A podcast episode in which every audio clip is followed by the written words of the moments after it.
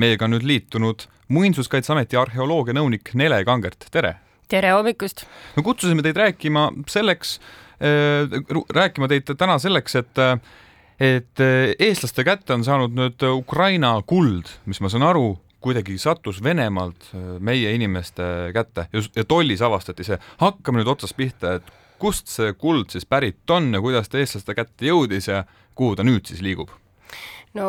tegemist on tõeliselt põneva krimilooga kokkuvõttes, et ähm, jah, et see, need arheoloogilised leiud siis äh,, mis siis tänaseks oleme tuvastanud, et äh, pärinevad äh, Ukrainast, avastati esmalt kaks tuhat kaheksateist aastal äh, Luhamaa tollipunktis tublide tolliametnike poolt, kes tegid oma rutiinset tööd ja vaatasid siis läbi ühte veokit, mis sisenes Venemaa poolt Eestisse kahtlusi ärastas neil kõigepealt ähm, lubatust rohkem äh, loomaliha, mis oli neil kaasas, nii et siis, kui võtsid niimoodi kontrolliks auto kõrvale, avastasid siis ka tegelikult need ähm, kummalised, ilmselgelt vanamoodsad esemed ja tekkis kahtlus, et tegemist on arheoloogiaga, asjad, mis ei tohiks nagu äh, inimesel äh, autosse peidetud olla, need olid tõesti siis kilekottidesse peidetud äh, veoki kabiini asjad konfiskeeriti, võeti ühendust Muinsuskaitseametiga ja nii need jõudsid siis siin meie arheoloogide vaatevälja. mis asjad need olid siis, mis sealt leiti? Äh, no vot, see küsimus oli ka meil kõigepealt, sest äh, ka siin Eesti arheoloogide seas äh, esimest sellist konsultatsiooni tehes, ega me neid nimetada kohe ei osanud, et tegemist on jah, võimalik, et sküütide asjadega ja ja mm, antiiksete esemetega, et äh, seda me siin oskasime öelda, aga täpselt nagu dateeringuid, määranguid äh, ei osanudki külge panna, nii et me aega võttis see, et me tegelikult pidime siis äh, konsulteerima ka välisekspertidega. nii et lõpuks me saime need täpsed dateeringud ikkagi Ukraina arheoloogidelt nii et äh, kui ikkagi tollil äh, konfiskeeritakse võimalikult kultuuriväärtuslikud esemed, mis on võib-olla siis ebaseaduslikult käibel, siis Muinsuskaitseametis siis meie töö ongi kindlaks teha, millega tegemist, kas seal on seaduslikku alust, äh, et need asjad liiguvad üle piiri ja ja sealt, sealt juba edasi siis. Kui on teisest riigist pärit arheoloogilised esemed, siis meie kohus on see, et need asjad jõuaksid sinna tagasi Nele Kangert Muinsuskaitseametist, et ähm, kui Ukraina kuld, mis siis piiripunktis avastati Luhamaalt, kui vana see siis ikkagi on, et selleni me nüüd ei ole veel jõudnud? jaa, selleni ei ole jõudnud, sest ähm, tegemist on seal äh, erinevate aarete osadega, kokku meil oli äh, siis kakssada seitsekümmend neli eset, sealhulgas mündid äh,, kuldesemed äh,, sellised ja äh,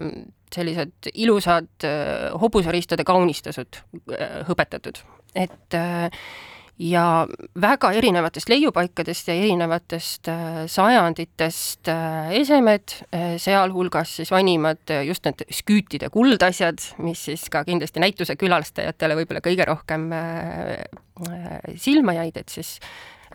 kohe kõrvalepõikeks, et ajaloomuuseumis oli siis need asjad nüüd olid ka viis aast-, viis päeva väljas eilseni ma vaatasin. just, eilseni, et meil oli siis äh, näitus nendest esemetest.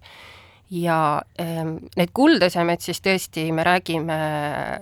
oli vist viies-kolmas sajand enne Kristust. Äh,, samuti seal oli ilusaid kuldhelmeid äh, meie ajaarvamise algusest äh,, kuid siis hulk asju ka siis äh,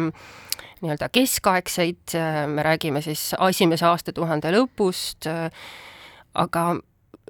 ka hulk näiteks viikingaegseid münte, mis äh, umbes üksteist sajand. ja kõige siis äh, noorem äh, leid sealhulgas oli siis neljateistkümnendast sajandist pärit münt. nii et väga niisugune rikkalik ja eripalgeline materjal taoliste esemete selline ajalooline, kultuuriline väärtus on mõõtmatu ja hindamatu, aga mm -hmm. mustal turul, kui suur võiks selle väärtus olla? No äh, vot sellele küsimusele me pidime samuti Muinsuskaitseameti poolt vastama, sest äh, ka äh, selleks, et nii prokuratuur kui toll saaks oma tööga edasi minna, siis tuleb tegelikult sellistel juhtudel määrata ka see asjade turuväärtus. et nelikümmend tuhat eurot on see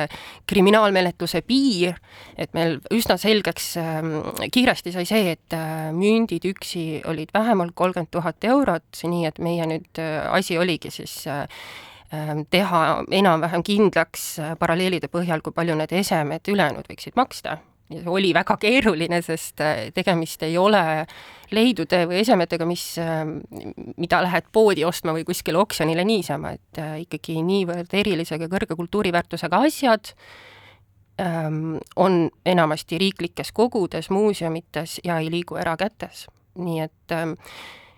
ütleme pika jutu kokkuvõte see, et äh, meil õnnestus siiski paralleelide põhjal äh, osad esemed, need võimalik turuvõrtuks kindlaks teha ja me kindlasti räägime rohkem kui seitsmekümnest tuhandest eurost, aga see on ainult mõnede leidude põhjal, nii et see kogusumma,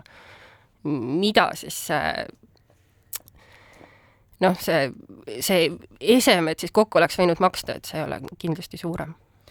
piiripunktist leitud Ukraina kullast ja kui te veel võtsite ühendust Ukraina endaga ka, kas siin kehtib äh, reegel, et ähm, et aare on leidja oma või siis on ikkagi see, et Ukraina soovis seda ka kohe tagasi saada? no kokkuvõttes see lugu on ikkagi üks äh, kurb lugu ja näide sellest, kuidas äh, röövarheoloogia toimib ja kuidas siis äh, meil on must turg kultuuriväärtuslikega esemetele. Need asjad ei oleks esmalt üldse tohtinud maapõuest sellisel kujul välja tulla, et tegelikult arvestades, kui uhked need esemed on, siis need on ära kaevatud, noh, matusepaigad väga rikkaliku materjaliga, need on aarde leiukohad ja neid teaduslikult enam uurida ei ole võimalik täna me ka teame, et need kõik need esemed pärinevad ehm, ilmselt Ida-Ukrainast ja Krimmist, ehk siis nendest piirkondadest, mis on ka sõjas juba aastast kaks tuhat neliteist tegelikult. ja ilmselt ähm, ikkagi selline mustal turul toimeldav võrgustik, et meil on olnud välja kaevatud, meil on olnud kokkuostja, edasimüüja ja oli see siis muul või see, kes välja vedas siis riigist, äh, kes piiripunktis jäi vahele aga et kuskil oli ilmselt ka see kokkuostja, kellele need asjad pidid jõudma. kas on teada, kuhu need pidid jõudma? me võime ainult oletada, et üldiselt see ähm, raha liigub meil peamiselt siin äh, lääne turul, et Euroopa Liidus või veel edasi kuskile võib-olla siin Ameerikasse, et ei tea, aga, aga enamasti me tea-, noh, me teame seda, et Eesti on transiitriik ja et äh, tihti need leiud siit äh, ida poolt just Euroopa Liitu äh, läbi meie liiguvad ja noh, vastupidi, et ka Eesti arheoloogiline materjal liigub Eestist välja ja ka ida poole. kelle käes see Ukraina kuld praegu on ja, ja millal ja kuhu ta siis nüüd edasi läheb ikkagi? no meie peale seda, kui me oleme kindlaks teinud, et see asi seaduslikult kuulub Ukraina riigile, siis noh, me nüüd allkirjastasime ka äh, Äh, lepingu, et Ukrainale need ametlikult siis äh, on üle antud, et hetkel on veel hoiul siin Eestis, praegu just Ajaloomuuseumis näitus lõppes ja nüüd on tegelikult siis, eks äh, on Ukraina riigi otsustada, et kas nad soovivad need asjad praegu viia Kiievisse või, või jäävad veel mõneks ajaks meile hoiule. Aga seda ähm, siin äh, Ukraina kolleegid juba andsid märku, et tegelikult nad on huvitatud ikkagi ka näituse avamisest Ukrainas sellesama materjaliga